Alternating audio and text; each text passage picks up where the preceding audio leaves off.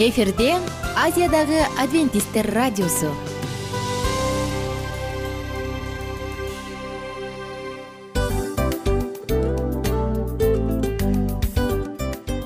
Достор салют. Баардык сүйүктүү угармандарыбызга салам айтабыз. Кутман күнүңүздөр менен. Ден соолук өмүрдүн булагы демекчи саламат саамы программасында баарыңыздарды көргөнүбүзгө абдан кубанычтабыз. Анда алгач амандашып өтөлү арбаңыздар деп. Ден соолугуңуздар кандай элибизде көбүнчө ден соолук кандай дегенде эле жакшы деп жооп беребиз э ооруп турсак дагы жакшы дейбиз. Анан мен муну айтып ойлойт элем бул абдан сонун сөз депчи анткени бул жакшы деген үмүт да э ооба баары жакшы болот. Баары сонун. Деп үмүттөнүп атып эле өзүбүздү өзүбүз дарылап коебуз. Анысы кандай? Сиздин дагы ден соолугуңуз жакшы беш деген үмүттөбүз чындыгында ден соолук бул өмүрдүн булагы деп бекеринен айтылган эмес деп ойлойм. Кыргыз элинде анткени эгерде ден соолук жок болсо анда адамдын жашоосунда калган баардык керектүү маңыздуу нерселер өзүнүн баалуулугун жоготуп коет. Ошондуктан ден соолук бул эң керектүү нерсе. Ооба туура айтасың кесиптешим. Чынында ден соолугуң жок бир эки үч күн ооруп калсаң эле э кандай болуп калат? Жашоодо көз каранды болуп каласың көп нерсеге жетишпей каласың көп нерсени кыла албай каласың жада калса эшикке дүкөнгө да чыга албай каласың. Туптуура анан ден соолук болсо демек биз биздин бактыбыз тотой деп койсок болот. Анда достор саламат саамы рубрикабызды баштайлы. Алдыда өзүңүзгө керектүү болгон сонун кеңештерди уга аласыздар. Мына ошондуктан биз менен бирге болуңуздар. Ал эми биз болсо милан жана айнура. Кеттик алга. Алга саламат саама ден соолуктун жарчысы. Саламат саама ден соолуктун ачкычы. Күн сайын сиз үчүн мыкты кеңештер сонун жаңылыктар кызыктуу фактылар биздин рубрикада.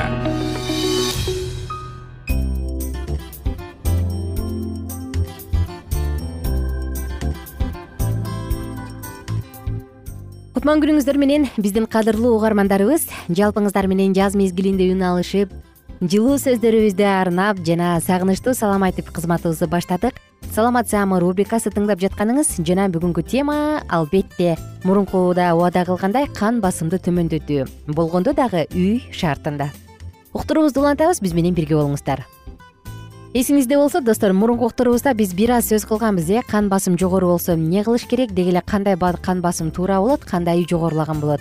Бир аз сөз кылсак эгерде сиздин кан басымыңыз жүз отуз тогузга сексен тогуз болуп турса демек бул жогору болуп саналат. Эгерде жүз кыркка токсон болсо жана андан жогору болсо бул патология коңгуроо кагыңыз э, сиздин медициналык э, тилде негизи медицинада жүз жыйырмага сексен болгон кан басым бул нормалдуу абсолюттуу норма болуп саналат. Кан басымыңыз канча текшерип алыңыз. Эгерде сиздин кан басымыңыз жогорулап турган болсо анда бул мээде кан айлануунун бузулушуна алып келгендиктен атеросклероз инфаркт миокардка көбүрөөк коркунуч туудуруп адамды өлүмгө чейин жеткире турган оору дегенбиз. Ошондуктан абайлаңыз. Эми эмне кылабыз дегенбиз? Стресстен качыңыз деп айтканбыз эсиңизде болсо. Чылым чегүүдөн алкоголдук ичимдиктерден кофеден баш тартыңыз дегенбиз көбүрөөк э, өсүмдүк э, өсүмдүктөрдү мөмө жемиштерди жашылчаларды жеңиз. Ал эми сүт катуу сыр эт жумуртка сыяктуу азыктардан баш тартыңыз. Же жокко чейин өтө эле төмөнкү деңгээлге түшүрүңүз деп айтканбыз. Тамак ичип жатканда өтө катуу тоюп алгандан качыңыз алдын алыңыз. Күнүнө жок дегенде төрт жүз грамм жаңы жер жемиштерди мөмө жемиштерди жеңиз деп айтканбыз эсиңизде болсо ошондой эле тамакка өтө аз тамак туз колдонгонго аракет кылыңыз. Жана достор физикалык активдүү көнүгүүлөрдү жасаңыз э, тер дей тургандай жасаңыз болгондо дагы дайыма саунага барып туруңуз салмагыңызды азайтыңыз. Элестетиңиз эгерде сиз он килограмм салмак азайтсаңыз анда кан басымды бештен жыйырмага чейинки пунктка төмөндөтүп койсоңуз болот экен. Албетте эки үч килограмм арыктаганда жакшы бул дагы сизге жашоого күч берет мына ошондуктан туура уктап кан басымды текшерип анан албетте өзүңүздүн салмагыңызды көзөмөлдөңүз. Бүгүнкү уктурууда болсо биз сиздер менен бирге үй шартында кантип төмөндөтүш керек кан басымды ушул жөнүндө сөз кылалы. Албетте эгер сиз ден соолугуңузду абдан бааласаңыз барктасаңыз анда дароо терапевтке барып көрүнүңүз. Ал сиздин кан басымыңызды текшерет дагы анан сизге өзгөчө индивидуалдуу план түзүп берет дарыланыш үчүн профилактиканы түзүп берет айтор баардык нерсени эске алат. Бирок эгерде сизге тилекке каршы ал нерсе да жардам бербей атса кандайдыр бир медикаментоздор жардам бербей атса анда кандай кылыш керек? Келиңиздер сөз кылалы. Эң эле алгач терең терең дем алыңыз. Ооба көкүрөк толо терең дем алыңыз. Бул чындыгында артериалдык кан басымды төмөндөтөт кийинки кеңеш өзүңүздү бош кенен таштаңыз. Бош сезиңиз. Анан көздөрүңүздү жумуңуз. Бул гипертониянын бирден бир провокаторлорунун бири бул стресс эмеспи э стресстин деңгээли. Мына ошондуктан баардык нерсени артка таштаңыз да көздү жумуп өзүңүздү бош кенен таштаңыз. Беш бешке чейин санап терең дем алыңыз анан албетте төш менен эмес курсак менен дем алганга аракет кылыңыз. Анан акырындан демди кайра чыгарыңыз. Бешке чейин санап бул учурда үчтөн беш мүнөткө чейин жасаганыңызда сиздин денеңиздин ар бир ткандарына кан барат. Демек кан менен чогуу кислород барат. Анан мунун негизинде кан басымыңызда кан басым төмөндөйт. Кийинкиси оп оңой эле жеңил жана жеткиликтүү. Муздак суунун алдына эки колуңузду тосуңуз эки колуңузду муздак агып аткан сууга тосуңуз муздак агып аткан сууга дагы бир жолу айтайын жөн эле муздак сууга беш манжаңызды салган болбойт агып атсын. Ал тим эле муздай катуу муздак болбосун э? Бирок бир аз муздагыраак суу болсун. Бул сиздин кан басымыңызды төмөндөтөт. Демек жүрөк кан тамырларынын согушун дагы жакшыртат.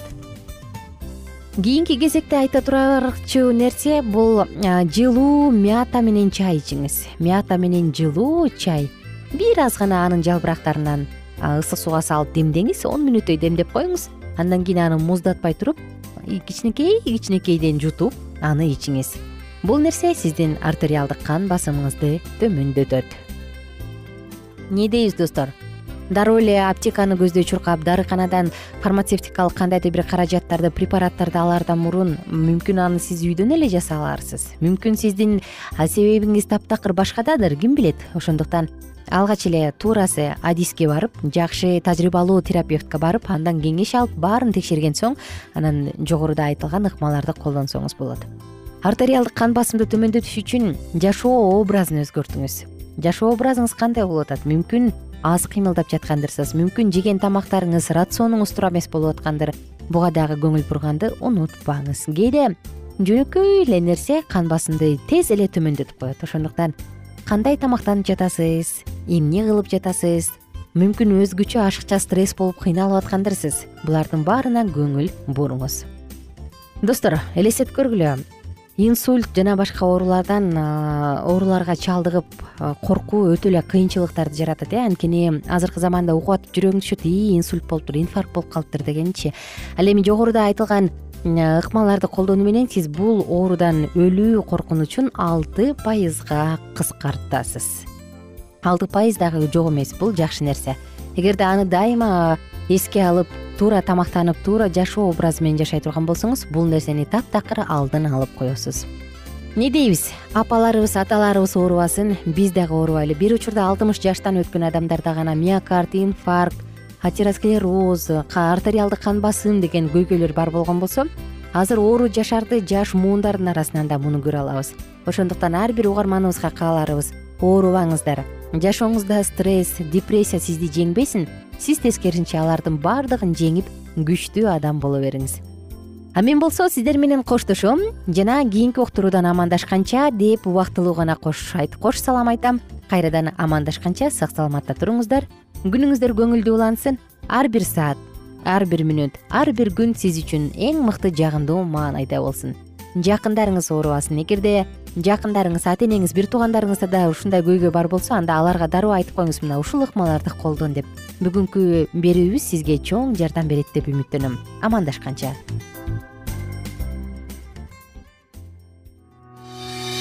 саламат саама ден соолуктун жарчысы. Саламат саама ден соолуктун ачкычы. Күн сайын сиз үчүн мыкты кеңештер сонун жаңылыктар кызыктуу фактылар биздин рубрикада. Салют замандаштар баарыңыздарга ысык салам.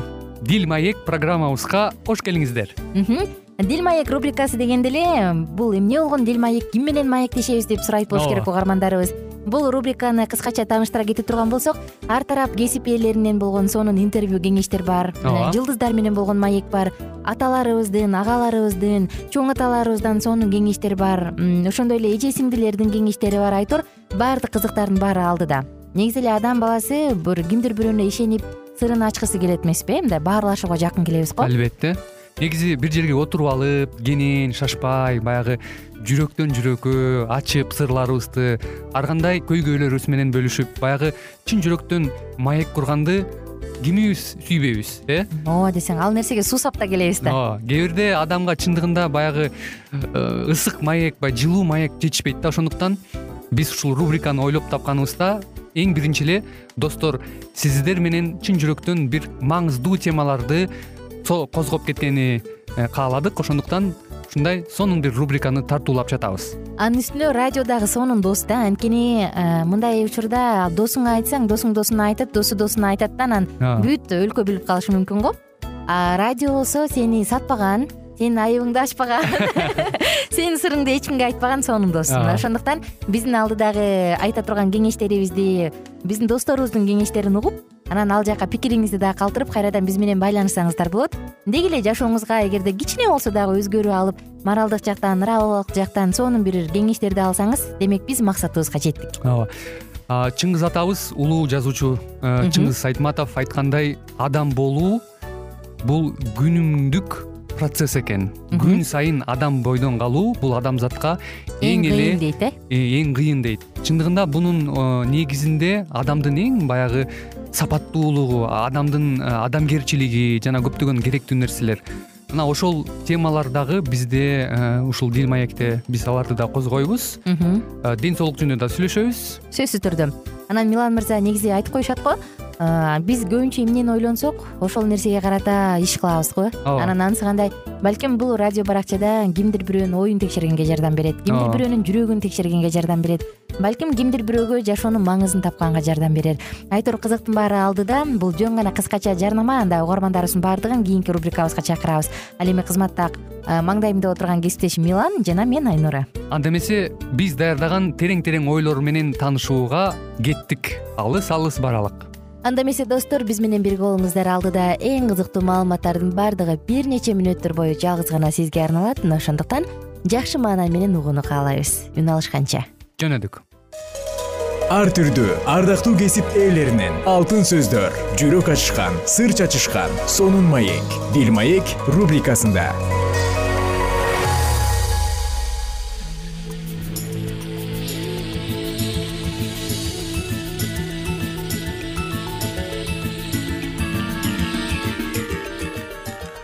Саламатсыздарбы сүйүктүү радио угуучуларыбыз. Кайрадан эле сиздердин саламатсыздарбы сүйүктүү радио угармандарыбыз. Кайрадан эле биз сиздер менен бактылуу никенин баалоо эрежелери аттуу программабызда кездешип жатканыбызга өтө кубанычтабыз. Бүгүнкү уктуруубузда сиздер эмне туурасында тыңдай алам деп турган болсоңуз анда биз кайрадан эле үй бүлө жаатында бала тарбиялоодо ата эненин ролу кандай болушу шарт ушул туурасында сүйлөшөбүз. Андыктан бүгүнкү уктуруубуз сиздер үчүн өтө кызыктуу болот деген үмүт менен программабызды улантабыз сиздер болсо биздин толкундан которулбай биз менен биргеликте калыңыздар. Микрофондо кайрадан эле кызматыңыздарда аты жөнүм мен улан кубанычбеков жана ошондой эле менин кесиптешим. Саламатсыңарбы жана мен асель мамбетова. Анда эмесе бала тарбиялоо жаатында ата эненин ролу кандай болушу шарт ушул туурасында сүйлөшөлү. Тарбия берүүдө эне менен атанын ролу кандай болуусу шарт. Анткени энеси бирди айтса атасы башканы айтат. Кош стандарттуулук десе болобу муну ата эне эки башка тарбия. Коом өзүнчө тарбия берип жыйынтыгында таптакыр башка бала чоңоет. Анан ата энеси биз буну минтип тарбиялаган эмеспиз деп таң калышат көбүнчө биздин кыргыз үй бүлөдө.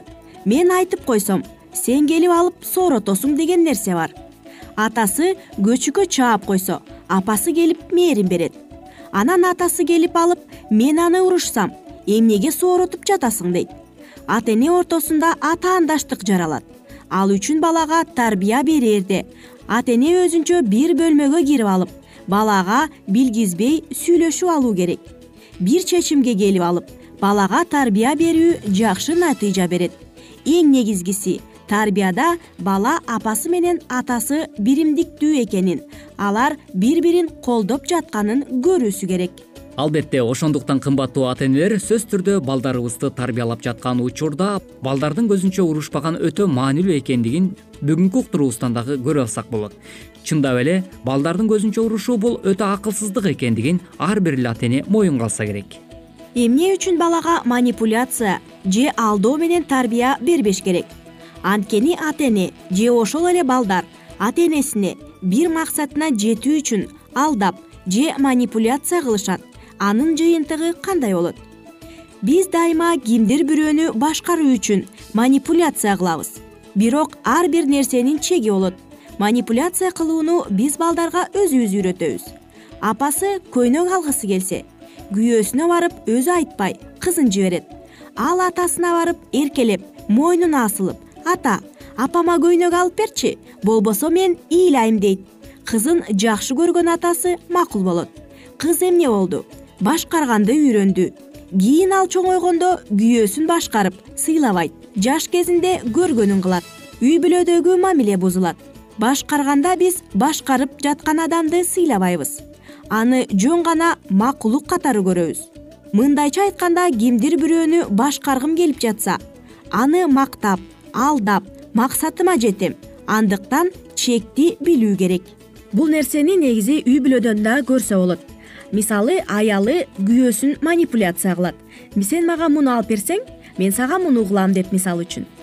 Ооба чындап эле кесиптеш мен дагы сага кошулуп кетким келет. Айрым үй бүлөлөрдө ушундай көрүнүштөр болуп турганы бул ачыктан айкын э, айтпасак деле белгилүү болуш керек. Андыктан э, сөзсүз түрдө балдардын көзүнчө аял эркек э, мисалы чогуу жашап жаткан соң бири бирине ушундай көз караштарды таңуулай берүүнүн Э, натыйжасында балдар дагы кандайдыр бир деңгээлде алар дагы келечекте ошол ата энеси кылган нерсени эле өзүлөрүнүн турмушунда дагы кайталап калышы толугу менен мүмкүн экен. Андыктан биз эч убакта балдарыбызды алдай албайбыз э, деп дагы э, айтып кетсек болот да. Себеп дегенде бала биз эмне кылып атканыбыздын баардыгын көрүп билип турган соң биз балдардан эч убакта эч нерсени жашыра албайт эмеспизби албетте дагы үй бүлөдө мындай нерсени байкасак болот. Мисалы ата энеси баласына бир нерсени кылып кой анан мен сага буну алып берем деп э, соодалашкан учурлар дагы болот ооба балким э, мунун дагы кээде жакшы дагы анан э, терс дагы жактары болуп калышы мүмкүн. Анткени дайыма эле ушул э, балдар менен соодалашуу жүргүзүү аркылуу дагы эгерде сен муну кылсаң анан мен сага муну кылам дей турган бир нерселерди кылуу аркылуу биз тескери дагы тарбия берип алышыбыз ыктымал. Анткени буга чейинки программаларыбызда дагы биз бөлүшүп өткөнбүз.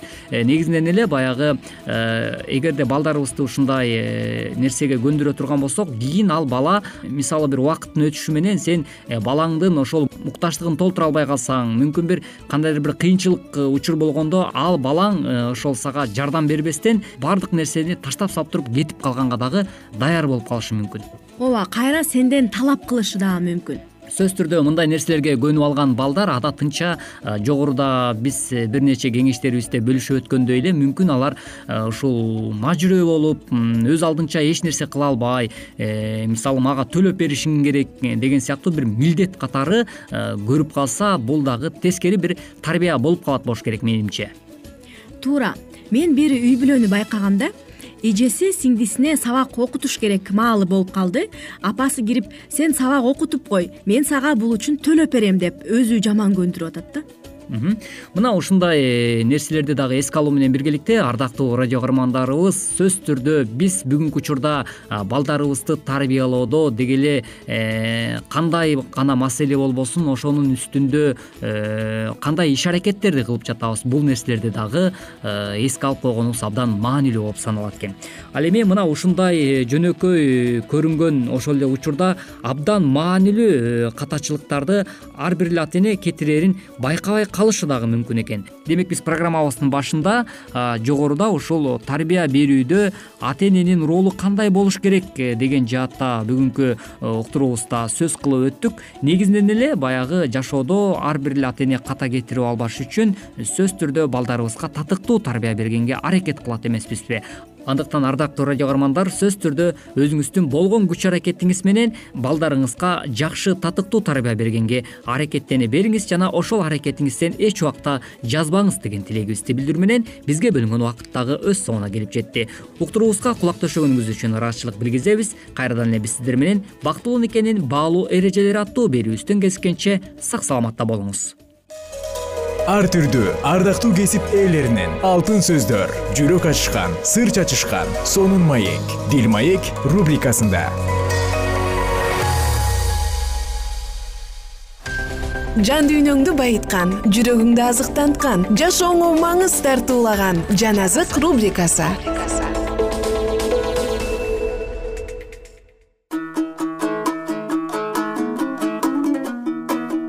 саламатсыздарбы достор? Жалпы угармандарыбыз менен ала амандашып саламдашып сиздер менен бирге жан азык рубрикасын баштадык. Старт алды саатыбыз. Демек забур китебин окууну бирге улантабыз. Алдыдагы мүнөттөр жагымдуу күндөрдөн жагымдуу мүнөттөрдөн. Жагымдуу көз ирмемдерден болсун. Жүз кырк үчүнчү забур. Дөөттүкү. Колумду согушка. Муштумумду урушка үйрөткөн. Менин аска зоому теңирге даңк. Теңир менин ырайым кылуучум чебим таянычым куткаруучум калканым мен ага таянам. Ал мага элимди баш ийдирет. Теңирим сен көңүл бургудай адам баласы ким? Адам жөнүндө ойлонгудай адам ким? Адам желдей анын күндөрү өтүп кетчү көлөкөдөй. Теңирим асманыңды жаантайтып жерге түш. Тоолорго колуң тийсе алар түтөп кетет. Чагылган чартылдатып душмандарды туш тушка чачырат. Өз жебелериңди жаадырып аларды талкала. Жогорудан колуңду сунуп мени куткар. Мени чоң суулардан бөтөн элдердин колунан сакта. Алардын ооздору жалганды сүйлөйт алардын оң колу жалгандыктын оң колу. Кудайым мен сага жаңы ырырдап берем. Мен сага он кылдуу арфа чертип берем. Падышаларды куткарган өз кулу дөөттү жалаңдаган кылычтан куткарган сага ырдайм. Мени куткар бөтөн элдердин колунан сакта. Алардын ооздору жалганды сүйлөйт алардын оң колу жалгандыктын оң колу. Уулдарыбыз жаш чагында дүркүрөп өскөн өсүмдүктөй болсун. Кыздарыбыз ак сарайлардагы чеберчилик менен кооздолгон мамылардай болсун. Кампаларыбыз толуп ар кандай дан мол болсун. Койлорубуз миңдеп түмөндөп төлдөп жайыттарда жайылып жүрсүн. Өгүздөрүбүз семиз болсун. Эч нерсе таланып тонолбосун уурдалбасын көчөлөрүбүздө ый болбосун. Кайсы элде ушундай болсо ошол эл бактылуу. Кайсы элдин теңири кудай болсо ошол эл бактылуу. Жүз кырк төртүнчү забур. Дөөттүн даңктоосу өзүңдү даңазалайм теңирим кудайым падышам. Сенин ысымыңды түбөлүк даңктайм. Сени күн сайын даңктайм сенин ысымыңды түбөлүк мактайм. Теңир улуу жана мактоого татыктуу анын улуулугу акыл жеткис. Бир муун бир муунга сенин иштериңди мактайт. Сенин күчүңдү жарыя кылат. Ал эми мен сенин улуулугуң улуу даңкың жана кереметтүү иштериң жөнүндө жар салам. Сенин коркунучтуу иштериңдин күчү жөнүндө айтышат сенин улуулугуң жөнүндө болсо мен жарыя кылам. Сенин кең пейилдигиңди унутпай жар салышат. Сенин адилеттигиңди даңктап ырдашат теңир кайрымдуу жана ырайымдуу. Чыдамдуу жана абдан боорукер теңир бардык адамдарга жакшылык кылат. Өзү жараткандарынын бардыгына кайрымдуулук кылат. Теңирим сени өзүңдүн бардык иштериң даңктасын. Сени өзүңдүн ыйыктарың даңкташсын. Сенин падышачылыгыңдын даңкы жөнүндө жар салышсын. Сенин күчүң жөнүндө айтышсын. Адам баласы сенин күчүңдү жана сенин падышачылыгыңдын улуу даңкын билсин. Сенин падышачылыгың түбөлүк падышачылык. Сенин бийлигиң муундан муунга теңир жыгылып бараткандарды сүйөйт. Кулагандардын баарын тургузат. Бардыгы сени карап күтүп турушат. Сен аларга тамакты өз маалында бересиң. Колуңду ачып кең пейилдигиң менен бардык тирүү жандарды тойгузасың теңир өзүнүн бардык жолунда адилет өзүнүн бардык ишинде ишенимдүү. Теңир өзүн чакыргандардын баардыгына жакын. Өзүн чын жүрөктөн чакыргандардын баардыгына жакын. Ал өзүнөн корккондордун каалоосун аткарат. Алардын зар муңун угат аларга жардам берет. Теңир өзүн сүйгөндөрдүн баарын сактайт ал эми кудайсыздардын баарын кырып жок кылат. Менин оозум теңирди мактайт ар бир тирүү жан анын ыйык ысымын түбөлүк даңктасын. жүз кырк бешинчи забур. Теңирди даңктагыла. Жаным теңирди макта теңирди өмүрүм өткөнчө мактайм көзүм тирүү турганда кудайымды даңктап ырдайм төрөлөргө адам баласына таянбагыла алар жардам бере алышпайт. Анын руху чыгат ошондо ал кайра топурак болуп калат ошол күнү анын ойлору ойрон болот. Жакыптын кудайы жардам берүүчүсү болгон үмүтү кудай теңиринде болгон адам бактылуу. Ал асман менен жерди деңизди жана анын ичиндегилерди жараткан ишенимдүүлүктү түбөлүккө сактаган кор болгондорго адилеттик кылган ачкаларга нан берген кудай теңир. Теңир туткундарды бошотот. Теңир сокурлардын көзүн ачат кулагандарды тургузат теңир адил адамдарды сүйөт. Теңир келгиндерди сактайт жетим менен жесирге жардам берет. Ал эми кудайсыздардын жолун бузат. Теңир түбөлүккө падышачылык кылат. Сион сенин кудайың түбөлүктүү. Теңирди даңктагыла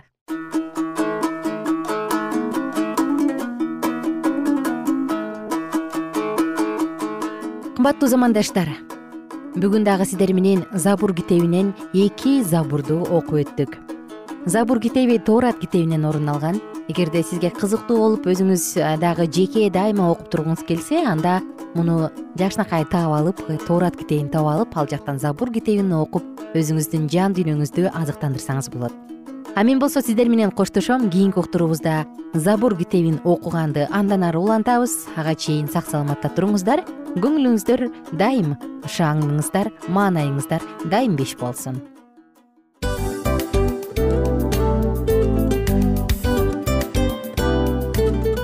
Ушул менен достор программабыздын уктуруубуздун эң кайгылуу мөөнөтүнө келип жеттик.